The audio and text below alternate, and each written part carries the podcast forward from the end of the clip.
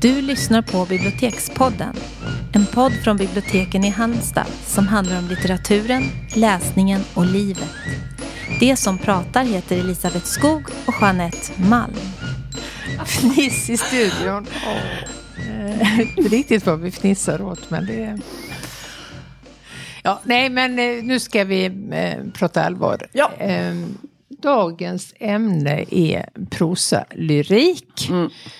Eh, ett ämne med många och långa förhinder kan man väl säga. Ja, men jag tycker vi kan väl bjuda på det att det här är faktiskt tredje gången vi försöker göra ett inslag om prosalyrik. Och av olika skäl så har det här är tredje gången gilt. Mm. Och av olika onämnbara skäl så har de andra två avsnitten, det ena bättre än det andra, men ändå fått skratta åt förgängelsen. Men nu gör vi det för tredje gången. Ja, Jeanette. bara det inte Ja. liksom något tecken att vi inte... Att vi inte borde. Att vi inte Nej men borde. vi tror inte på tecken. Gör vi inte det? Nej, det gör vi inte. Nej, det gör vi inte. Prosa eh, lyrik för den som inte vet och det är inte så konstigt om man inte vet för att det är en ganska mm, mischmasch som man säger så, det hör man ju på namnet. Att det är en eh, lyrik av berättande karaktär och det uppstod då någon gång på 1800-talet eh, med vår kompis Baudelaire som föregångare. Och det är då Eh, Man placerar det ju oftast bland romanerna här på biblioteket, gör vi inte det? Jo. det Men är man kan se det liksom på uppställningen och Ja. lite grann på hur, hur språket är. Att det är lite mer lyriskt än vad som är vanligt i en roman. Precis, men jag tänker att, det är, att man tar det bästa från två världar när Ja. man gör prosalyrik. Om man är Eh, rädd för lyriken. Ja, så kan man börja med att läsa prosalyrik. Mm. För det har, ju, det har ju det här som du sa, det här berättande liksom med början, mitt och slut oftast. Och, Ja. eh, men, men ett lyriskt språk och ofta liksom poesins uppställning med korta eller rader och luft emellan och ofta korta Ja. rader och sådär. Mm. Så jag är lite kär i, i prosalyrik för tillfället. Ja. Mm. Eh, men vi har ju vår, eh, Vår nya grej. vår nya grej. Kan Ja. du presentera den? Ja, det kan jag. Nu har ni som har hört de andra avsnitten här nu, vi har redan börjat med det, men ni kanske undrar vad är, håll- håller de på med? Och då är det så att vi i varje poddavsnitt så har vi valt varsitt ord. Och det kan vara ett ord som vi tycker väldigt mycket om och det kan också vara ett ord som man liksom får på hjärnan på något sätt. Vissa ord kan ju bara fastna och så vill man börja använda dem för de är härliga att säga eller man tycker de är försummade eller håller på att glömmas bort. Och, och sen kan det också dyka upp ord som man tycker väldigt illa om. Och då Mm. kanske man vill prata om det. Men ja, idag har jag valt ett ord som jag gillar jättemycket. Och det tror jag du också har gjort. Eller? Ja, inte så mycket som du tycker om ditt. Nej, nej. Nu har jag ju hört det här två gånger innan. Ja. Och jag blir mer och mer förtjust i ditt ord Ja, eh, för varje gång. Då känner jag mig så nöjd. Ja, Ja, men då säger jag mitt ord nu då. Mm. Så att alla kan sluta bita på naglarna. Ja, men mitt absoluta favoritord, eller en av dem i alla fall, det är ordet valp. mm. Om man börjar med, om man inte tänker på det förtjusande innehållet i själva valpen, så är det bokstäverna, sammansättningen, det mjuka V, det ganska öppna A och P som liksom knyter ihop ordet. Det ord som slutar på P, de är väldigt distinkta. ja Man man, vet- glider inte på det. Nej, man vet att det är slut. Det är slut när det är slut. ja. ja, och det är kort och eh, ja, men det är både liksom mjuka och hårda bokstäver Mm. i fin förening. Valp. Och sen om vi släpper det där med bokstäverna så är det ju, alltså det finns inget bättre än, än valpar. Nej. Det gör det faktiskt inte. Eh, Det är tänk- bättre än bebisar. Ja, det skickar nu inga elaka, onda mejl Nej. till oss. Vi gillar bebisar också. Men Ja. det är något alldeles förtjusande med, Mm. med valpar, med alla valpar. Mm. Tänk bara på de små tassarna, Jeanette. Ja. Tänk på deras ogångna Ja. tassar. Trampdynorna är helt Ja. oanvända. De har trampat runt på sin mammas mage i en Mm. valplåda. Eh, inga förhårdnade, inte svarta. De är, de beroende på luktar ras och färg så kan de ibland vara rosa. Mm. Eh, Och något som är rosa så är det deras magar. Ja, magarna är ju... Dör lite när jag tänker på Ja, öronen också. Och det där liksom slängiga, de har ingen koll på någonting men de vill Tunt. jättemycket och det, det Ja. härjas och det liksom, de är så otroligt levande. Ja. Ända tills de blir jättetrötta. Ja, så då- ramlar de ihop i en liten hög. Ja. Nu sover vi. Ja, det gör vi. Mm. Ja, men det är ju som något rent bedårande, förtjusande.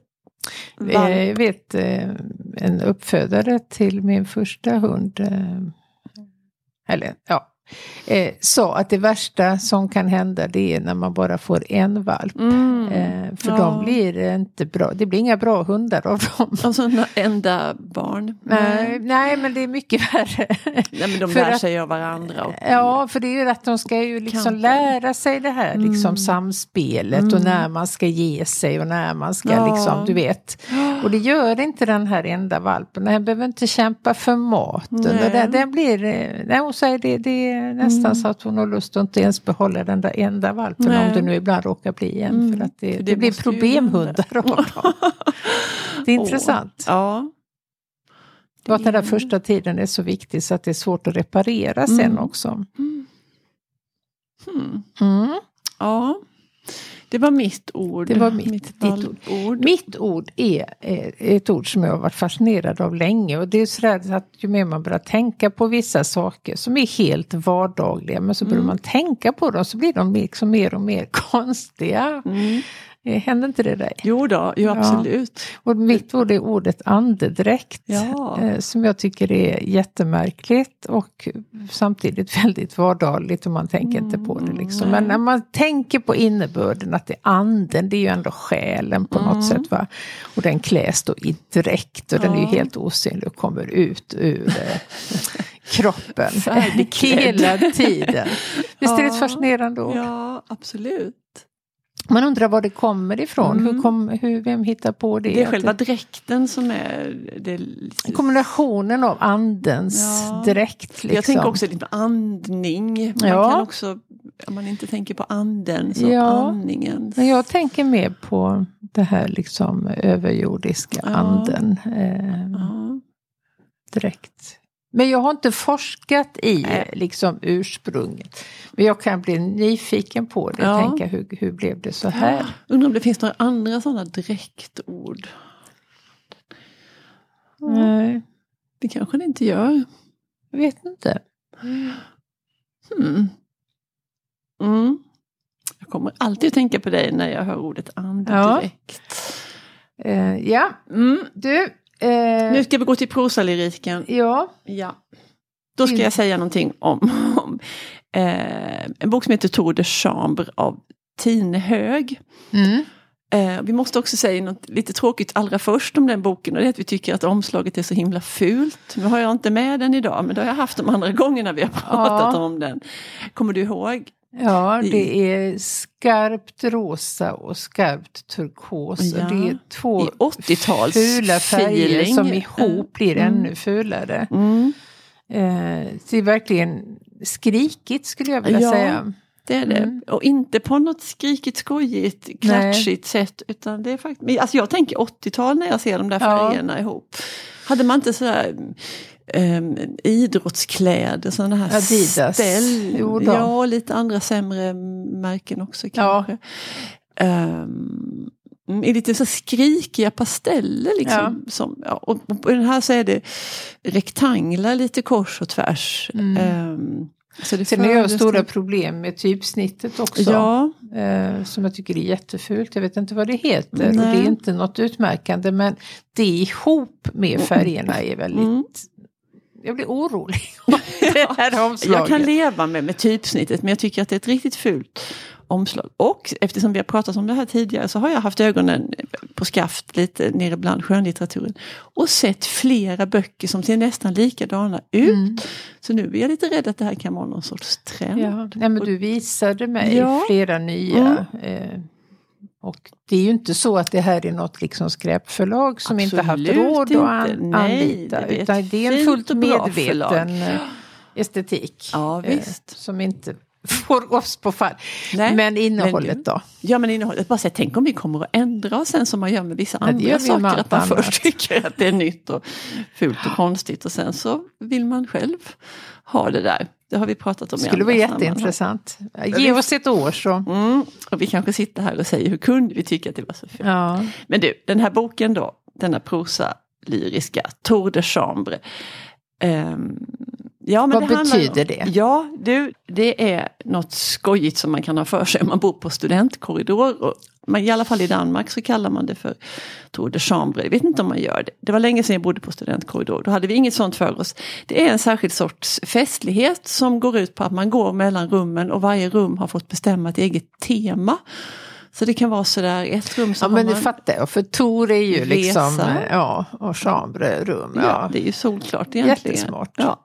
Så att man gör liksom olika inhopp i de här olika rummen och då kan det vara ett vikingatema i ett rum och det kan vara något diskotema i ett annat och så får man väl, man behöver ju liksom inte klä eh, om sig och klä ut sig mellan varje, men lite, någon liten accessoar eller någonting man har med sig eller något sådär.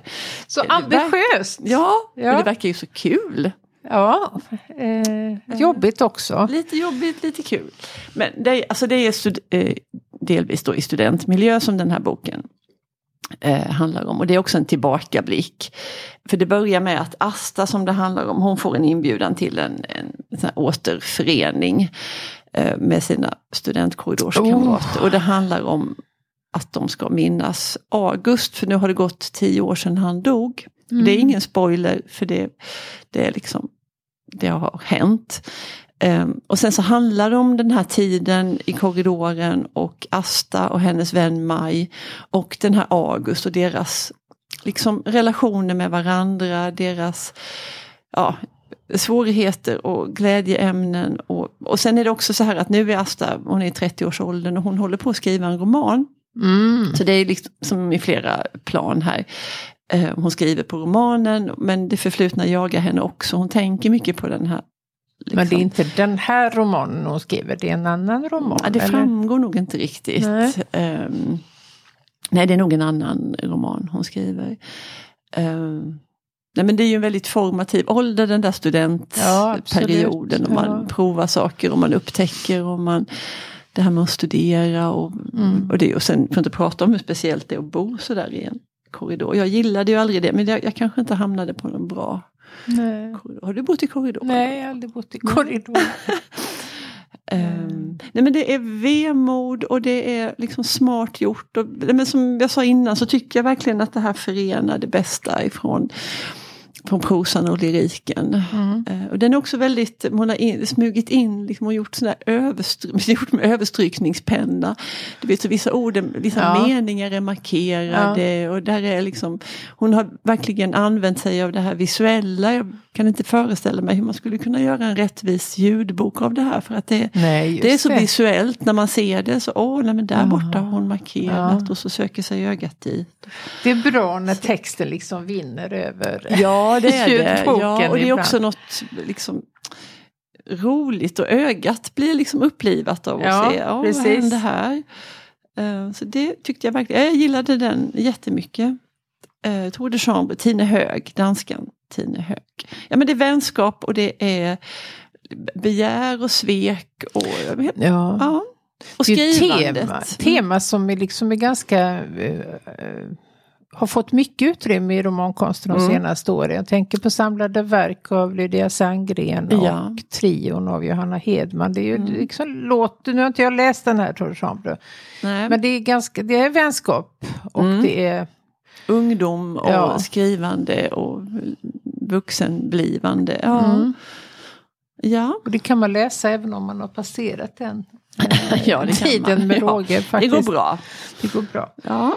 Eh, Min då första som jag tänkte på eh, när ämnet kom på tal, det är en bok som jag läste för några år sedan. Eh, Den kom 2018 och är skriven av Evin Ahmad och heter då En dag ska jag bygga ett slott av pengar. Och jag tycker det är en jättevacker titel och det är Verkligen. också en ursnygg bok. Ja. Ja. Eh, där bokstäverna då, eller titeln liksom bildar ett torn upp Mm. mot himlen och det är Mm. snygga färger och det är liksom lite mm, Guldigt emellanåt. Ja, alltså. eh, expressionistiskt på något vis. ja. Jag var väldigt fascinerad av den här boken när jag läste den. Evin Ahmad är då eh, skådespelare och eh, kommer från något så kallat eh, socialt utsatt område med föräldrar som har invandrat från, jag kommer inte ihåg, kan ha varit Turkiet. Och hon eh, är den första i släkten som får läsa vidare. Mm. Eh, det har man verkligen inte gjort där hon kommer ifrån. Och det är ingen annan i bostadsområdet Nej. nästan heller som har gjort det. Och hon kommer in på scenskolan och är ju jätteglad förstås. Men det är också en total krock mellan hennes gamla värld Mm. och den här nya. Och krocken blir så intressant när hon beskriver den för att hon har blicken liksom i de här två. Så hon har ju en helt unik liksom erfarenhet som Ja. de andra saknar. De har en mycket teoretiska, nu pratar vi om dem med hennes studiekompisar då, de Ja. har liksom teoretiska eh, intressen i liksom det här med klasskamp Mm. och du vet och sociala orättvisor. Ja. Men de lever ju inte De överhuvudtaget. har aldrig känt på det här. de har aldrig känt på det och de uttrycker också i, i sin omedvetenhet att de är, ser ju inte de som städar omkring dem. De kan Nej. liksom bara lyfta på benet och kommer det någon människa och sopar under eh, skorna på dem. Och Mm. de avbryter sig liksom inte i sina utläggningar. Eh, de kan säga att de är panka och för, för eh, huvudpersonen Evin här så betyder det ju att då har man inga pengar. Va? Och då är man i en skitdålig situation. Men för dem betyder det att man liksom inte har sålt några fonder på ett tag. Nej, och att man kanske inte vill det. Heller. Man inte vill det. Nej.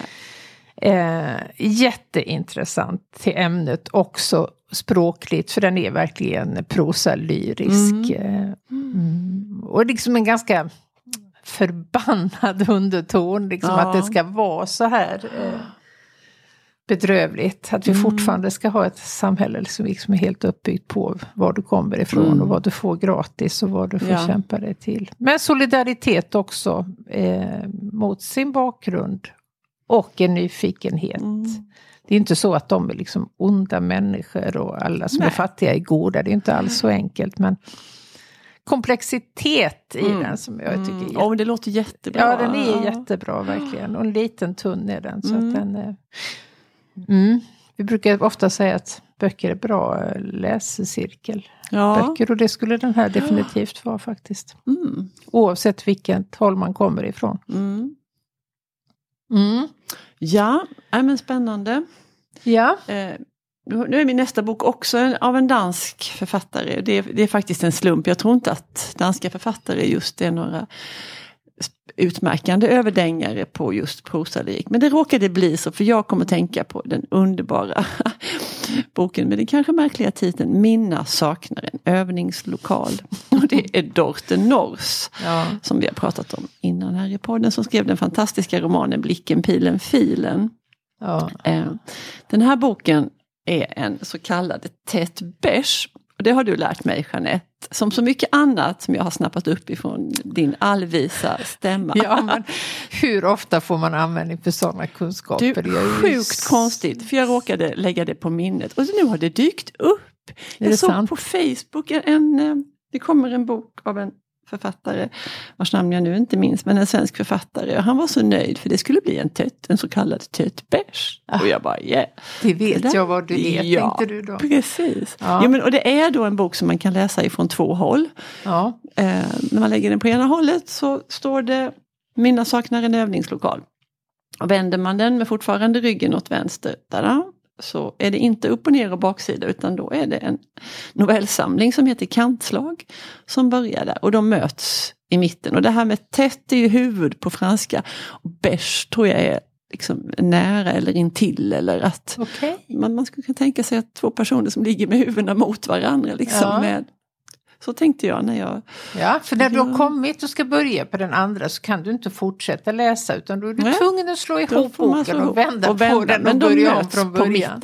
Och nu Ja. tycker jag inte att, att man kan säga att i det här fallet att de liksom innehållsmässigt, men, men det förstod jag det som att den här andra boken, eh, en som kommer så småningom. Eller vissa andra sådana här Ted Beige-böcker. Att det, att det har liksom en, en poäng det här att det möts i mitten. Att det är liksom två kanske historier. Mm. Du förstår att de sammanstrålar Två olika perspektiv. där. Ja, Ja. typ sådär. Men ja, nog om Ted Beige. Eh, Det här Minna då det är en, eh, en lyrisk berättelse som har prosans de här sammanhållande elementen. Eh, Och sen så finns det ju en förförande och förledande humoristisk Mm. stil och lite naivistisk liksom, approach i den här boken. Men alltså, låt er inte kollras bort av det skulle jag vilja Nej. säga. För, eh, för samtidigt så är det liksom så skarpt. Men du, kan vi inte få ett exempel på jag är detta? så glad att du Eh. ber mig. Vi tar lite här i början. För det är så härligt. Minna presenterar sig. Minna är på Facebook. Minna är inte en dag över 40. Minna är kompositör. Minna kan spela fyra instrument. Minna har blivit av med sin övningslokal.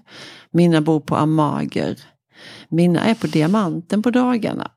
Minna måste arbeta tyst. Minna arbetar på en papperssonat. Papperssonaten består av tonalrader. Minna skriver ljudlös musik. Minna är ett stycke avantgarde. Minna har svårt att förklara meningen för folk. Minna vill ha ljud på musiken. Minna vill på det hela taget bara ha ljud. Minna vill ha Lars. Minna är förälskad i Lars. Lars har gillat Minna. Minna vågar inte trycka på parförhållande-applikationen. Lars har helskägg. Lars har ljusa lockar. Lars jobbar på Dagbladet. Lars är en nätverksmänniska. Lars är Lars, tänker Minna och famlar med påslakanet. Det är morgon, Lars har gått. Lars har bråttom att komma ur sängen. Sängen är ett ombonat rede. Det är första sidan. Och man får ju veta så mycket. Så fruktansvärt mycket. Jättemycket. Jag tycker man stör sig på Lars med detsamma. Ja, eh, Minna är ju en liksom fullödig människa till skillnad Ja. mot Lars. ja, ja, Lars är Lars. ja. Och han är en nätverksmänniska. Ja. Så fruktansvärt. Nej, men det är också det här barnboks, eh, Mm, liksom korta utan bisatser Ja. och det bara staplas på varandra. Men ändå med så mycket information. Yes. Jag tycker det är helt för... ja, jag är så kär i det här. Jag tycker det är jätteroligt. Och det ja men precis det du sa, Lars är Lars tänker mina famla med påslakan. Ja. Ja, han har bråttom att komma ur Att han har övertaget också Mm. fast det är hon som liksom är ju så mycket mer. Men Absolut. hon är ju mer angelägen om hans Mm. liksom gillande än Ja. tvärtom. För han, är, han förstår ju inte ens det. Nej. Nej. Mm. Ja, den anbefalles till läsning. Mm. Verkligen. Och din nästa. Min nästa har ändrats då Ja. genom gångerna. Ja, som vi har försökt det här. För att Ja. igår kom jag på för att jag hade in, eh, pass i, i sköninformationsdisken. Mm. Och då fick jag en fråga om uh, Ulf Lundells vardagar. Han har ju gett ut Många. många, han har gett ut fem stycken Mm. och de är jättetjocka, liksom 700 sidor. Galet. Dagboksanteckningar och sex och sju kommer. Mm. Och de är på typ 800 sidor. Och då var jag tvungen att börja bläddra igenom de som Mm. var inne. För jag tänkte, vad, vad, Vad är det här? Ja, och då var de ju typiskt prosalyriska. Och jag har lyssnat på den Mm. första vardagar som han läste in själv. Mm. Och det har han gjort med alla de andra också. Och det var något väldigt hypnotiskt faktiskt. Han är ju... Mitt förhållande till Ulf Lundell har liksom gått eh, i en cirkel från att ha Mm. varit väldigt betuttad till Mm. totalt ointresse och bara tyckt att han har ju ingenting eh, som tilltalar mig, vare sig musikaliskt eller Litterärt. litterärt. Men nu, först, och han har ju fått enormt fin kritik Ja. för de här vardagsböckerna. Och det är en konst att kunna skriva om det här väldigt lilla och han väver liksom hela, han är ju ett jättestarkt liksom, politiskt Mm. intresse och han blir förbannad och han ryar och han sitter där på sin gård På Österlen. på Österlen och det är ju fåglarna och det är världspolitiken och det är Kikki Danielsson. Och det, Alltså det är som mm. tidsdokument mm. som man kan läsa om många år och tänka ja men så var så det. Och det är det, Trump och det är Corona och det är åldrandet framförallt som han mm. beskriver superfint mm. faktiskt. Och det här liksom. Mm. Och jag inte bittert, inte eh, alls liksom att åh jag som var rockstjärna och nej, nu sitter nej. jag här. Utan det är, mm. han, han är helt försonad med det men han gillar det inte och det nej, behöver man ju inte nej, göra. det behöver man inte. Och då kommer jag att tänka på en av hans böcker från ganska långt tillbaka mm. som jag läste som jag tyckte var fantastisk. Och den heter Frukost på en främmande planet. Mm. Och den är också samma prosalyrisk mm. med långa, långa betraktelser. Han är ju en eh, otroligt naturkunnig ja. och intresserad mm. människa. Så det är mycket med lite bannerhed faktiskt, med mm. fåglarna och så. Mm. Så ja, Ja, Då kan jag men, rekommendera. Mm. Jag vet inte om jag kommer att läsa alla vardagarna. Troligtvis inte. Men... Nej, och de måste man ju kunna läsa liksom. Man måste ju inte börja med ettan förmodar jag. Nej. Nej, man kan göra en Varje är ju under ett år. Mm. Eh, så det följer ju liksom ja. Eh, året. Ja. Och det var jättespännande då. Den första tror jag var faktiskt aldrig, den som jag har mm. lyssnat på då mm. var med akademin och metoo och ja, allt det här. Man glömmer så fort också. Ja visst, men tänk vilken kapacitet han ändå har för det här är ja. ju, de kommer ju väldigt, de kommer ju tätt. Precis, och det här det måste liksom, ju, ja. Eh, förledande enkla men som ja. man förstår är, kräver mm. verkligen en Sin, speciell ta talang. Ja. Att det privata blir allmängiltigt liksom. Mm, mm. Ja men det är ju en konst, verkligen. Jag håller med dig om det här med förhållandet till Ulf Lundell. Att det har verkligen mm. ja, böljat och kanske är man tillbaka i det här. Ja. Man ändå... Vi får ja, jag se. Tycker det finns vissa låtar av honom som jag kan bli alldeles lycklig av. Ja, ja. Snön faller. Mm. Det tycker jag är fin. Precis. Snart kommer änglarna att landa. Ja, ja. Mm. vi kanske kan återkomma om Ulf Lundell rent av kanske kan få ett eget avsnitt. Ja, det kan han få. Någon som, nu ska jag bara säga, nu ska jag skicka med lite bonusmaterial här. Eh, och någon som verkligen också förtjänar ett eget avsnitt så tycker jag att det är Marie Lundqvist som är en av Sveriges bästa nu levande poeter. Absolut. Eh, och för hon är också och tassar med sina, hon skriver ju, hon är ju poet först och främst, men hon har också skrivit några romaner och de är eh, prosalyriska, mer eller mindre. Men hon har i alla fall det här lyriska språket och de är jätte, jättebra. Föredömligt korta, föredömligt täta, hög mm. densitet. Eh, den ena heter Monolog för en ensam kvinna och den andra heter Så länge jag kan minnas har jag varit ensam. Oh. Ensam kommer igen i båda de här. Ja. Men eh, Ja, det är fantastiska böcker. Den, det, det, handlar om uppväxt och att ha en sjuk mamma. Mm. Det tror jag tangeras i alla fall i någon av de här, om inte i båda. Eh, och det här att vara sjuk som samtidigt kan innebära att man blir den starka för man har så mycket, alla måste tassa, man måste liksom vakta och vaka på den sjuka. Ja. Och, och det här, jag tycker det är så intressant det här med styrka och svaghet ja. just i de Nej men det är klart, du kan ju inte bli förbannad på någon som är Nej, det kan man inte. Och du kan inte Nej. vara trött på den heller. Nej, utan du måste för, hela tiden vara... Ja, är man sjuk så är man sjuk och då har man rätt till vissa saker som den friska inte har. Det där skriver hon så fantastiskt om. Så det tycker jag att man kan leta upp på första bästa bibbla. Mm. Mm. Vilka bra tips vi har haft ja, idag. verkligen. Nu får det inte hända något konstigt med det här avsnittet om prosalyrik. För då Hör ni det så vet ni att inget har hänt. Nej, annars. Men du, vi, medan allt ännu flyter på så säger vi hej och tack för idag. Hej då.